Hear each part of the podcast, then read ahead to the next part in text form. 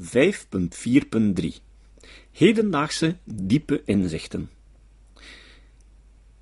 In Freud's Permanent Revolution schreef Thomas Nagel dat de psychoanalyse diepe zelfkennis kan bieden, wat haar een lengtevoorsprong biedt op de Simpler Symptomatic Cures. Elisabeth Rudinesco is in Pourquoi la psychanalyse nog zekerder van haar stuk. Elle, de andere therapieën, ne parvient ni à le guérir, ni à saisir les véritables causes de son tourment. In een lezersbrief aan het tijdschrift Le Nouvel Observateur, dat in september 2005 met de publicatie van het Livre Noir uitpakte, schreef de psychoanalyticus Bernard Guillot Le pied de nez de l'inconscient, c'est que le symptôme gommé par le dressage psychothérapique va réapparaître sous d'autres formes, parfois et là plus graves. In de morgen van 11 maart 2006 zegt de psychoanalyticus Lieven Jonkere dat de gedragstherapeutische behandeling van fobieën heel vervelende bijwerkingen kan hebben of nieuwe symptomen veroorzaken, omdat de diepere infantiele of seksuele oorzaken niet werden behandeld. De psychoanalyticus Harold Bloem heeft voor die oppervlakkige successen van andere therapievormen zelfs een eigen verklaring die naar goede Freudiaanse traditie opnieuw een schoolvoorbeeld van een petitio principii is.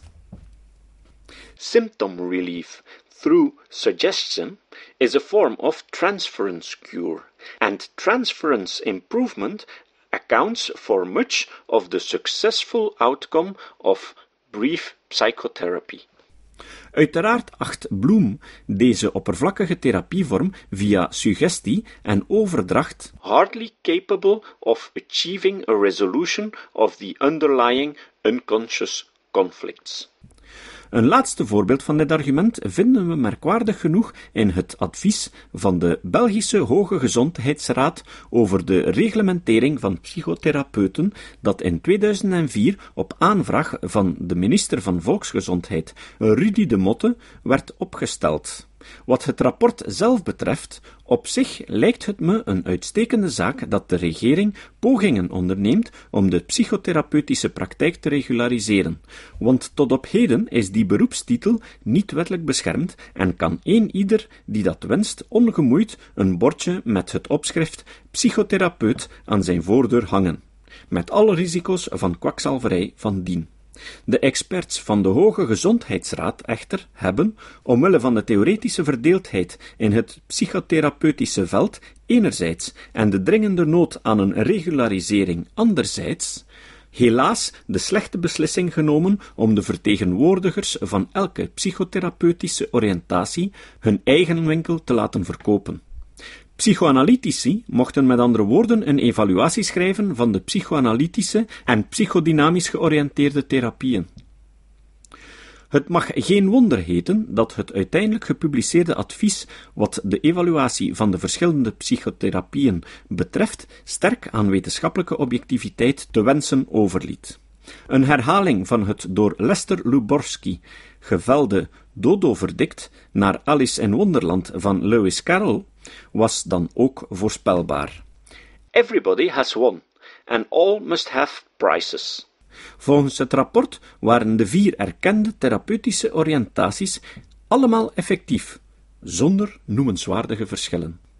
In het algemeen wijzen de meeste studies, meta-analyses en meta-meta-analyses erop dat er maar weinig verschil is tussen de uitslagen van zogenaamde betrouwbare psychotherapieën, dit wil zeggen psychotherapieën met een coherente theoretische structuur, die sinds geruime tijd uitvoerig worden toegepast en door onderzoek ondersteund worden.